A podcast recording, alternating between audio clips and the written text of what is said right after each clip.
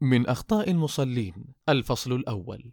تحدثنا في اللقاء الماضي عن صفة الصلاة وحديثنا اليوم عن أخطاء يقع فيها بعض المصلين فنذكرها على سبيل الإيجاز والاختصار لنتجنبها وننبه بها غيرنا. فمن تلك الأخطاء الجهر بالنية عند ابتداء الصلاة وهو بدعة لم يفعله رسول الله صلى الله عليه وسلم ولا أصحابه والنية مكانها القلب ولا يشرع التلفظ لها. ومن الأخطاء أن بعض الناس إذا دخل المسجد والإمام راكع كبر تكبيرة الإحرام وهو منحن للركوع وهذا مبطل للصلاة لأن تكبيرة الإحرام يجب أن يأتي بها قائما ثم يكبر للركوع ويركع. ولو استعجل فترك تكبيرة الركوع واكتفى بتكبيرة الإحرام وهو قائم أجزأته صلاته. ومن الأخطاء الإسراع والركض في الذهاب إلى الصلاة. وقد قال رسول الله صلى الله عليه وسلم إذا سمعتم الإقامة فامشوا إلى الصلاة وعليكم بالسكينة والوقار ولا تسرعوا فما أدركتم فصلوا وما فاتكم فأتموا.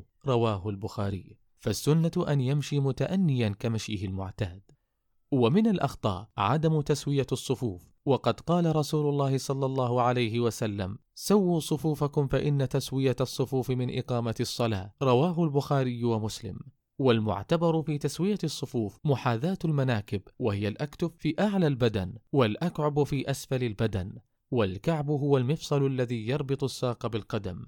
ومن الأخطاء إتيان المسجد بعد أكل الثوم أو البصل لقوله صلى الله عليه وسلم من أكل ثوما أو بصلا فليعتزلنا أو قال فليعتزل مسجدنا وليقعد في بيته متفق عليه. ويلحق به ما له رائحة كريهة تؤذي المصلين كالدخان فهو منكر في ذاته وأذية المصلين برائحته منكر آخر. ومن الأخطاء تشبيك الأصابع في الصلاة أو عند الخروج إلى المسجد وهو مكروه لقول النبي صلى الله عليه وسلم إذا توضأ أحدكم فأحسن وضوءه ثم خرج عامدا إلى المسجد فلا يشبكن يديه فإنه في صلاة. رواه أبو داود وصححه الألباني.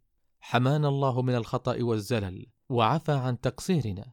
نكتفي بهذا القدر ونكمل الحديث بمشيئة الله في اللقاء القادم.